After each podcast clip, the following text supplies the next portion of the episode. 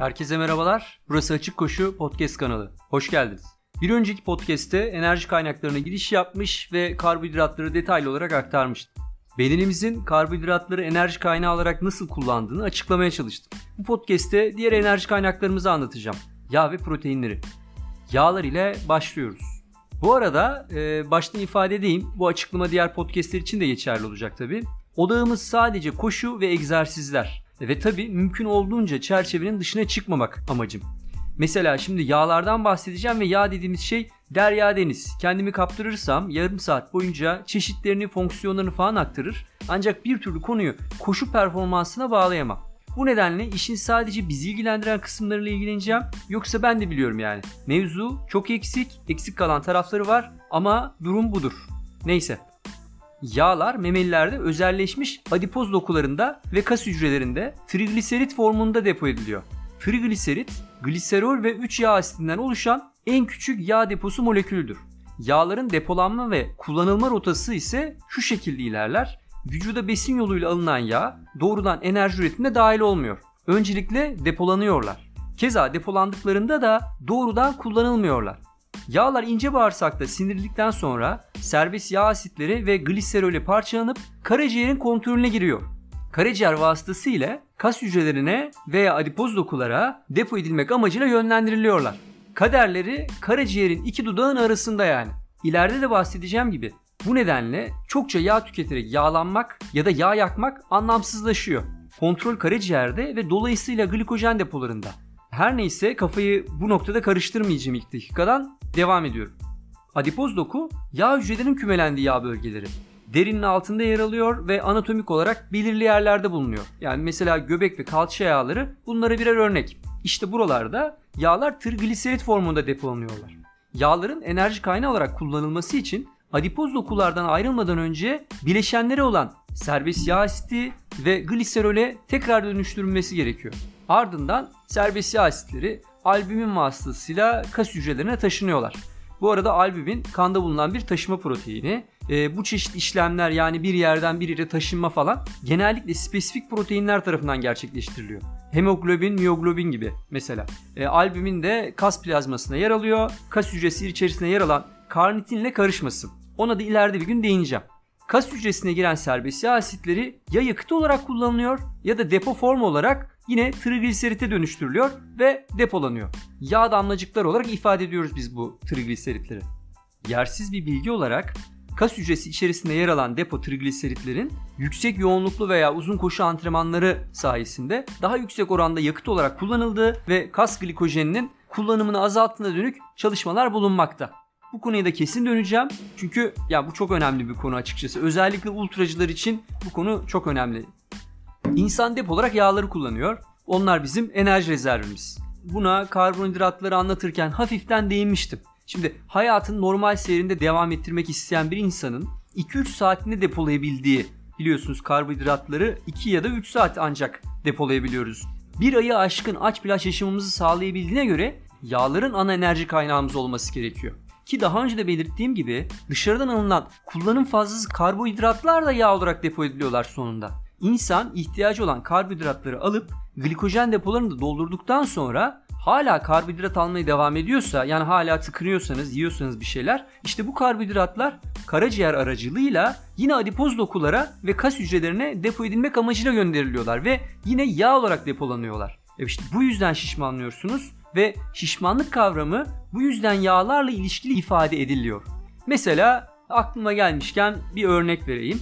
Öğrencilik yıllarımın ardından Cihangir'de bir spor salonuna gidiyordum. Gayet fit hocalardan biri, aynı boylardaydık bu arada. 85 kilo falan olduğunu söylemişti. O sıralarda da ben 75 kilo falan. Ancak aynaya baktığımızda o fit ben şişman görünüyorduk. Zira o kilolarını depoladığı yağları borçlu değildi. Şişman diyemezdiniz yani adama. Şimdi felsefi bir tartışma başlatıyorum tabi. Neyse abartmayalım işte. Her şişman insan ağır değildir. Her ağır insan da şişman değildir. Adipoz dokular sadece vücut ısısının korunmasına yardımcı olmazlar. Aynı zamanda mükemmel su tutuculardır. Aynı miktarda suyu tutabilmek için 5-6 kat fazla karbonhidrat gerekmektedir. Belki de bu sebeple depo rezervimiz yağlar olabilir. Biraz önce bahsettiğim konu buna bağlı olabilir. Az suyla çok iş yapmak da çok önemli, çok verimli ve yağlar bunu çok başarılı bir şekilde gerçekleştiriyor. Neyse şimdi aklıma geldi. Karbonhidrata bağlı diyetlerin ödeme yolu açma mevzusu da bu konuyla alakalı olabilir. Çünkü karbonhidratlar yağlar kadar iyi su tutamadığı için karbonhidrata dayalı diyet uyguladığımızda çok daha fazla suya ihtiyaç oluyor. Çünkü karbonhidratlar daha fazla suyu çekmeye yatkınlardır. Dediğim gibi yağlar doğrudan kullanılamıyor. Bileşenlerine parçalanıyor. Kan yoluyla taşınıp kas hücresi tarafından kullanılan, daha doğrusu mitokondriye alınan şey serbest yağ asitleri. Trigliseritlerin parçalandığını biraz önce ifade etmiştim. Serbest yağ asitleri istirahat halindeyken, günlük işlerimizi yaparken ve düşük yoğunluklu egzersizlerimiz sırasında en yüksek oranda kullandığımız yakıt. Yani durduğunuz yerde aslında yağ yakıyorsunuz. Başka bir şey değil. Yani özel olarak elde havlu, yürüyüş bandına çıkmanıza gerek yok. Yürüdüm, koştum, yağ yaktım falan. Yakılan enerji çeşidiyle değil, yakılan kaloriyle alakalı bu durum. Düşük tempo koşularımızda, yürüyüşlerde yüksek oranda yağ yakarız. Tempo arttıkça yağların kullanım oranı azalır. Mesela şöyle bir örnek verelim. Düşük tempo derken hangi kitaptaydı? Birleşik Devletler Milli Marşı'nı zorlanmadan söyleyebildiğin koşu temposu diyordu kitapta. Siz de kendinizce bir marş ya da şarkı söyleyin ama bu işte Serdar Ortaç falan olmasın çünkü o çok çok kolay kaçar. Baktınız hafiften zorlanmaya başladınız bunu okurken. Demek ki yani söylerken demek ki artık yağların baskın kullanımı geride kaldı. Artık karbonhidrat yoğun kullandığınız zona girdiniz. Yalnız bu şu demek olmuyor. Artık yağ yakmıyorsunuz demek olmuyor bir tık yavaş tempoda %51 yağ yakarken artık %49 yağ yakıyorsunuzdur. O kadar. Unutmayın.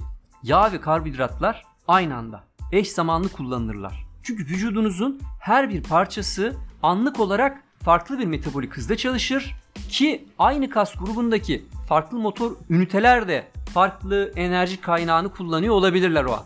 Dahası farklı bir kaynağa da bağımlı olabilir. Yani mesela bütün vücudunuz dinlenik haldeyken, istirahat halindeyken dahi beyninizin glukoza muhtaç olması gibi. Biliyorsunuz beyin sadece glukozla beslenen bir e, organ. Keza böbrekler ve kırmızı kan hücreleri de glukoza ihtiyaç duyuyorlar. Kan plazmasında bulunan serbest yağ asidi konsantrasyonu hareketsiz haldeyken çok fazladır. Ve bu durum yağ kullanımını tetikler. Çünkü karbonhidrat kullanımını yavaşlatırlar. Ortamda fazlaca bulunan serbest yağ asitleri glukozun bir ürünü olan pürüvatın aktivasyonunu bastırmaktadır. Aktivasyon dediğim şey enzimlerin varlığıyla alakalı arkadaşlar. Glukozun pürüvatı yıkımında rol oynayan enzim de kan plazmasında baskın olarak yağ asiti bulunduğunda aktif çalışamıyor yani. Deplasmana giden taraftarın çarşıda gezerken formasının üzerine kaban geçirmesi gibi bu enzim de yağların baskın olduğu, yağların yoğun olduğu ortamda istediği şekilde verimli bir şekilde çalışamıyor. Haliyle de karbonhidratların yakım hızı yavaşlıyor. Yakım miktarı azalıyor falan. Bu da gereken enerjinin yağlardan sağlanmasına yol açıyor. Yağ kompleks bir yapıya sahiptir ve karbonhidratlara göre daha fazla tepkimeye maruz kalır. Daha fazla adımda yıkıma uğrar. Haliyle daha uzun sürede enerji açığa çıkartılır. Yağların yakılması sırasında karbonhidratlara göre daha fazla oksijen molekülüne ihtiyaç var. Kimyasal reaksiyonların her bir adımında kullanılan oksijen artıyor. Daha fazla oksijen gerekmesi, daha fazla sayıda oksijenin akciğerlere çekilmesi, daha sık nefes almak demek. Bu yüzden sanki daha fazla efor harcanıyormuş hissi oluşuyor. Karbohidrat yakarak koşuyorken daha az oksijen, yağ yakarak aynı tempoda koştuğunuzda daha fazla oksijen harcıyorsunuz ve bunun hissi size zorlayıcı gelebiliyor. Uzun süre açlığın ardından boş depolarla uyandınız diyelim ve bir saat koşacaksınız. Daha dün 5 pace tempoda rahatça koştuğunuz mesafe bu defa bitmek bilmiyor. Bahsetmiş olduğum hissiyat işte bu. Nabız artmıyor ancak siz kendinizi güçsüz hissediyorsunuz. Yağ depo kapasitenizi dert etmenize gerek yok arkadaşlar. Ultra mesafe yarış koşabilmek için hafif yağlı olmanız gerektiğini söyleyecek olanlar illaki çıkacaktır. Onları dikkate almayın. Çünkü vücudunda yağdan eser olmayan oldukça sıskı insanlarda dahi kullanılacak birkaç kilo yağ illaki bulunur ve bu miktar yağ onlara günlerce yeterdi. Yağ rezervi bir nevi sınırsızdır. Aksi doğru olsaydı sosyal medyadan takip etmiş olduğunuz uzun mesafe atletlerin kalın, hafif yağlı olması beklenirdi zaten. Ne demiştim önceki podcast'te? Her bir gram yağ 9 kilokalori demektir. Örneğin 70 kilo ve oldukça fit bir atletsiniz. Mesela yağ oranınız %5 olsun. Bakın bu oran gerçekten çok düşük. Tehlikeli derecede düşüktür hatta. 3,5 kilo yağ sahipsiniz demek bu. Hadi bunun 1 kilosunu da kullanamıyor olun. 2,5 kilo yağ enerjiye dönüşmek için bekliyor olsun. Bu da 22.500 kalori demek. Yani her bir gram yağ 9 kilo kalori ise 2,5 kilo yağ da 22.500 kalori ihtiyacını karşılıyor demektir. Yağ yakarken yüksek efor harcayamayacağınıza göre de bu miktar kalori 25-30 saat boyunca koşmanıza yetecektir. Tabi teorik olarak geçerli bu. Gerçekte başka pek çok faktör yani yağ deponuzun sınırsızlığıyla alakasız onlarca faktör performansınızı sınırlayacak ve koşunuzu bir yerde sonlandıracaktır. Şimdilik bu konulara girmiyorum. Yağ kullanımı egzersizin uzaması ile birlikte artma eğilimindedir. Sabit yoğunlukta bir egzersiz esnasında zaman ilerledikçe serbest yağ asidi kullanımı artar. Çok da yüksek olmayan bir tempoda koşmaktasınız. Egzersizin başında 3'te 1 oranında kullanılan serbest yağ asitleri egzersiz sonunda 3'te 2 oranına çıkabilir kullanım oranı olarak. Kas glikojen seviyesinin düşmesi kullanılan yağ asit oranını arttırmaktadır. Hem önceki podcast'te glikojen depolarını anlatırken hem de bu podcast'te ifade etmeye çalıştım. Enerji kaynağı kullanımı karaciğerin kontrolünde gerçekleşiyor. Dahası glikojen depolarımızın kontrolünde. Zira oldukça sınırlılar ve önceliğimiz onları tüketmemek. Tükenmeleri durumunda bizi oldukça kötü sonuçlar bekliyor çünkü. Bu nedenle gerek olmadığı sürece glikojen depomuzu tüketmiyoruz.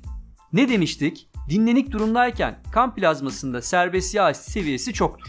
Bu da yağların kullanımı baskın kılıyor ve karbonhidrat kullanımı yavaş gerçekleşiyor. Serbest yağ asidi mevcudiyetinin glikoliz enzim aktivasyonunu baskılamasından, engellemesinden ötürü bu durum. Ancak aslında yağ mevcudiyeti buna yol açmıyor. O da başka bir şeyin sonucu. Az sonra bahsedeceğim insülin hormonu yüzünden gerçekleşiyor bu durum. Her koşulda ana belirleyici faktör glikojen depolarımız. Onların kullanılması gerekmiyorsa kan şekeri seviyesinde bir oynamaya da gerek olmuyor. Yani glikojen depolarımızı kullanmazsak karaciğer depomuzdan glikojenleri yıkıp glikoza çevirmezsek kana karışan glikozda bir artış meydana gelmiyor. Bu da açıkçası hormonların devreye girmesine yol açmıyor. Ve insülin devreye girmiyor. İnsülin devrede olmadığında da depo yağlar kolaylıkla bileşenlerine parçalanıyor ve bileşenin yağ asitleri kan plazmasında cirit atıyorlar. Gel zaman git zaman tempo artıyor. İşte koştunuz, koşunuzun hızını arttırdınız falan. Tempo artınca olan şey şu aslında. Yağ asitlerinin kullanımı da hızlanıyor. Önce bu gerçekleşiyor. İlk değişim kan plazmasında meydana geliyor. Yağlar kullanıldıkça kandaki serbest yağ asitleri tempo yetişemez oluyor ve azalıyorlar. Daha fazla miktarda depo yağ yıkılıyor ancak tempo onların yıkım hızını da aşmış durumda. Ve artık glikojen depolarımız baskın kullanılmaya başlıyorlar. Ya aslında her an en yavaş tempoda bile karbonhidrat yakımı oluyor. Ama işte artık baskın durumdalar. Her neyse bu durum glikojen depolarımızın tükenme tehlikesiyle karşılaşana kadar devam ediyor. Yani tükenme tehlikesine kadar siz glikojen depolarınızı baskın olarak kullanıyorsunuz. E, gerçi bu tehlike de öten bir uyarı sireni, zili falan ile fark edilmiyor. Ya yani aslında siz glikojen depolarınızı kullandığınız süre boyunca başında her daim daha yüksek oranda kullanıyorsunuz eğer sabit hızda koşuyorsanız. İster 10 dakika koşun, ister 2 saat. Temponuz ve koşullar değişmediği durumda her koşulda koşu içinde kullanılan kas glikojen miktarı kademe kademe azalacaktır. Oransal olarak yani. Örneğin başta %70 oranında kas glikojeni kullanırken enerji kaynağı olarak ortasında %60, sonunda %50'ye bir düşebilir bu kullanım payı. Tabi süre kısa olduğunda fark dahi edilmeyebilir bu. Yani 10 dakika koştuğunuzda 10 dakika içerisindeki sabit hızda başta ve sondaki glikojen kullanım oranının farkı o kadar azdır ki bu fark edilmeyebilir. İşte bu düzenleme bir savunma mekanizması arkadaşlar. Vücudun glikojen depolarını koruma amacıyla ürettiği bir önlem. Glikojen kullanımı azaldığına göre artan da ne oluyor? Serbest yağ asidi oluyor. Serbest yağ asidi kullanımı artıyor haliyle yağ kullanımını etkileyen 3 hormon var. İlki insülin, az önce bahsettim. Esas görevi kan şekeri konsantrasyonunu düşürmek olduğu için sindirilen karbonhidratların kana karışması esnasında aktivasyonunu arttırıyor. Bu durum yağ kullanım hızını da yavaşlatıyor. Çünkü insülin adipoz dokulardaki trigliseritlerin serbest yağ asidi ve gliserollere parçalanmasını sağlayan hormon duyarlı lipazın çalışmasına engel olmakta. Ona diyor ki arkadaşım bak zaten ortama yığınla şeker girecek. Adam daha demin bir kase sütlacı indirdi mideye. Şimdi o sütlacın şekeri ağır ağır geçiyor kana. Benim de onları bir an önce depolamam gerek. Bir de sen ortama habire yağ asidi salacak olursan çok yavaşlatırsın beni ve kan şekeri çok yükselir. Neyse artık. Bu nedenle kan plazmasındaki serbest yağ asidi konsantrasyonu düşüyor. Kullanılan yağ oranı da düşüyor haliyle. Adrenalin ise hormon duyarlı lipaz enzimini aktif eden hormon. Adrenalinin artışı yağ yakımını arttırıyor. Egzersiz esnasında insülin seviyesi düşük, adrenalin seviyesi yüksektir. Çünkü egzersiz sırasında kas hücreleri her daim yakıta ihtiyaç duydukları için ortamda bulunan glukozun içeri çekilerek kullanılması kaçınılmaz. Kan şekerinin dışarıdan bir takviye alınmadıkça artması da mümkün değil ki bu durumda da insülin devreye giremiyor. Neydi? İnsülinin ana görevi yükselen kan şekeri seviyesini düşürmekti.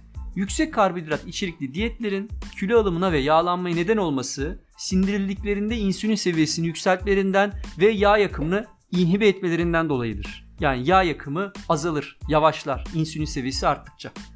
Glukagon kan şekeri seviyesinin yükseltilmesine rol oynayan hormondur. Eğer karaciğer glikojen seviyesi tehlikeli bir düzeye inerse kan şekeri seviyesinin yükseltilmesinin yanında adipoz dokuları uyararak trigliseritlerin karaciğere dönerek glikojen olarak depolanmasında da görevlidir. Kan şekerin tehlikeli seviye düşüşü biz koşucular için ne anlam ifade etmektedir? Demek ki artık ortamda kullanacak glikojen kalmamıştır. Yani karaciğer depomuz iyiden iyiye tükenmiştir. Bu durumda beynin glukoz kullanabilmesi de mümkün değildir. E hala koşuyorsanız vücudunuzun anında geliştireceği bir adaptasyonla keton parçacıklarının yakıt olarak beyine yollamasını da bekleyemezsiniz. Bu durumda yapılacak şey süreci tersinden işletmektir. İşte az önce ifade ettiğim gibi yağları yıkar, glukoza çevirirsiniz ve beyine gönderirsiniz. Evet yağlar için ayrılan sürenin sonuna geldik. Kendilerine bir sonraki bölümde farklı nedenlerle geri döneceğim. Şimdi sırada proteinler var. Proteinler ana yapı taşlarımız olduğu için hemen her dokumuzda yer alırlar. Çok önemli görevleri yerine getirirler. Bu görevlerin ezici çoğunluğunun da konumuzla alakası yoktur ama. Proteinler sindirildikten sonra amino asitlere parçalanır. Amino asitlerin bir kısmı karaciğere glikoz ve glikojen üretim amacıyla gönderiliyor. Proteinlerin kas hücrelerinde depolanmasının öncelikli amacı kas hareketinin sağlanmasıdır. Kas kasılma işleminin gerçekleşmesi için aktin ve miyozin proteinlerine ihtiyaç vardır. Buna ilerleyen podcastlerde sıklıkla değineceğim. Proteinler enerji üretiminde yakıt olarak da kullanılırlar. Ancak ekstrem koşullarda. Yani yüksek yoğunluklu bir egzersiz esnasında protein yıkımı yaşanabilir. Uzayan bir koşu sırasında glikojen depoları tükenme durumundayken proteinler karaciğere gönderilerek glukoza çevrilirler ve yakıt olarak kullanılırlar. Kullanım oranları egzersizin şiddeti ve uzunluğuna bağlı olarak %10 mertebesine çıkabilir. Uzun mesafe koşucuları için bu durum oldukça olağandır. Çünkü mesafe ve süre uzundur ve protein yıkımı kaçınılmazdır. Bu nedenle uzun mesafeciler koşu devam ederken toparlanma sürecine girebilirler. Özel protein takviyesi olmadan yarışın sağlıkla tamamlanması mümkün olmayabilir. Proteinler amino asitlerden oluşur demiştik. Koşucuları yakından ilgilendiren amino asitlere gelirsek glutamin beyaz kan hücresine enerji sağlamada ve bağışıklık sisteminde enfeksiyona karşı gösterilen direncin oluşumunda etkilidir. Egzersiz sonrası toparlanmaya yardımcı olduğu da iddia edilir. Bunların tamamı iddia yani belirli deneyler var üzerinde ama bütün deneylerde aynı sonuçlar ortaya çıkmadığı için bunları iddia olarak gösteriyorum. Yani bütün deneyler aynı sonucu vermiyor. BCAA'lar, yani ben bunlara BCA diyeceğim. Yani dallı zincirli amino asitler 3 çeşittir. Lösin, izolösin ve valin. Esansiyel amino asitlerdir. Vücut tarafından sentezlenemezler. Uzayan egzersiz esnasında kas glikojen seviyesi bilindiği gibi düşer ve serbest yağ asidi kullanımı artar. Buna yağları anlatırken yaklaşık 5 dakika önce değinmiştim sanırım. BCA'lar egzersiz sırasında kullanılırlar bu arada ve zaman geçtikçe de azalırlar. Kandaki seviyeleri düşer. Ne demiştim az önce? Esansiyel oldukları için sentezlenemiyorlar vücut tarafından. Yani sınırlılar. Bir sınırları var, bir limitleri var. Kandaki serbest yağ asidi seviyesinin artışıyla uyumlu bir şekilde bir başka amino asidin serbest tritopanın kandaki mevcudiyeti de artıyor. Zira aynı protein tarafından taşınıyorlar. Tritopan da serbest yağ asidi gibi kanda albumin proteini vasıtasıyla taşınıyor. Albumin varlığı serbest yağ asitlerine bağlandıkça azalıyor. Yani şöyle albumin aynı zamanda hem tritopanı hem de serbest yağ asitini taşıyan bir protein. Yani bir yerden bir yere bunları taşıyor. Şimdi serbest yağ asitleri yoğunlaşınca kanın içerisinde haliyle tritopanı taşıyacak. Tritopanı bir şekilde bağlayacak. Albümin miktarı da mevcudiyeti de azalıyor. Kendisini bağlayacak albümin kalmayınca, daha doğrusu mevcut albüminler yetemeyince prangalarından kurtulmuş gibi serbest tritopanlar beyne hücum ediyorlar. Normal şartlarda BCA bir çeşit güvenlik duvarı işlevi görüyor. Serbest tritopanın beyne girişini engelliyorlar. Ancak az önce ne dedim? Egzersizle birlikte BCA miktarı azalıyor. BCA azaldıkça da tritopanın beyne hücumu sırasında direnç düşüyor. Yani hiçbir engel tanımadan serbest tritopanlar beyine akın edebiliyorlar. Beyine akın eden tritopan iki hormonun beyin tarafından salınmasına yol açıyor. Serotonin ve melatonin. Bu hormonların nelere yol açtığını az çok biliyoruz. Buna kısa bir Google araştırma sonucu ulaşabilirsiniz. Serotonin ve melatonin yorgunluğa ve uykuya yol açıyor. BCA seviyesindeki düşüş merkezi yorgunluğa yol açarak uzun mesafe koşucularının performansını etkileyebiliyor yani. Dolaylı da olsa. Aranızda 60, 100 ve 160 km ultra koşanlarınız vardır. Bir süre sonra katlanılmaz bir yorgunluk ve uyku ile mücadele etmeye başlıyorsunuz. Hatırlarsınız. İşte bu onunla alakalı. Her neyse BCA amino asit içeren whey protein ve takviyeler uzun süreli egzersizlerde azalan amino asitlerin yerini alarak merkezi yorgunluğa bağlı semptomların oluşmasını öteleyebilirler. Evet, detaylı bir şekilde enerji kaynaklarımızı inceledik. Önceki podcast'te karbonhidratları, bu podcast'te ise yağ ve proteinleri işledik. Bu bölümde yağların özellikleri, hangi koşullarda enerji kaynağı olarak kullanıldığını ifade etmeye çalıştım. Tempo arttıkça yakılma oranları azalmaktaydı. Öte yandan uzayan koşullarda da giderek daha yüksek oranda kullanılıyorlardı. Proteinler ise gerekmedikçe yakıt olarak kullanılmamaktaydı. Zira eksiklikleri yapısal hasarlara yol açabilmekteydi. Bir sonraki podcast'te kullandığımız yakıtlara ilişkin nelerden kaçınmamız gerekir, geliştirdiğimiz adaptasyonlar ve antrenman programlarının olmazsa olmazı toparlanma süreçlerindeki rollerine değineceğim. Şimdilik bu kadar. Keyifli dinlemeler.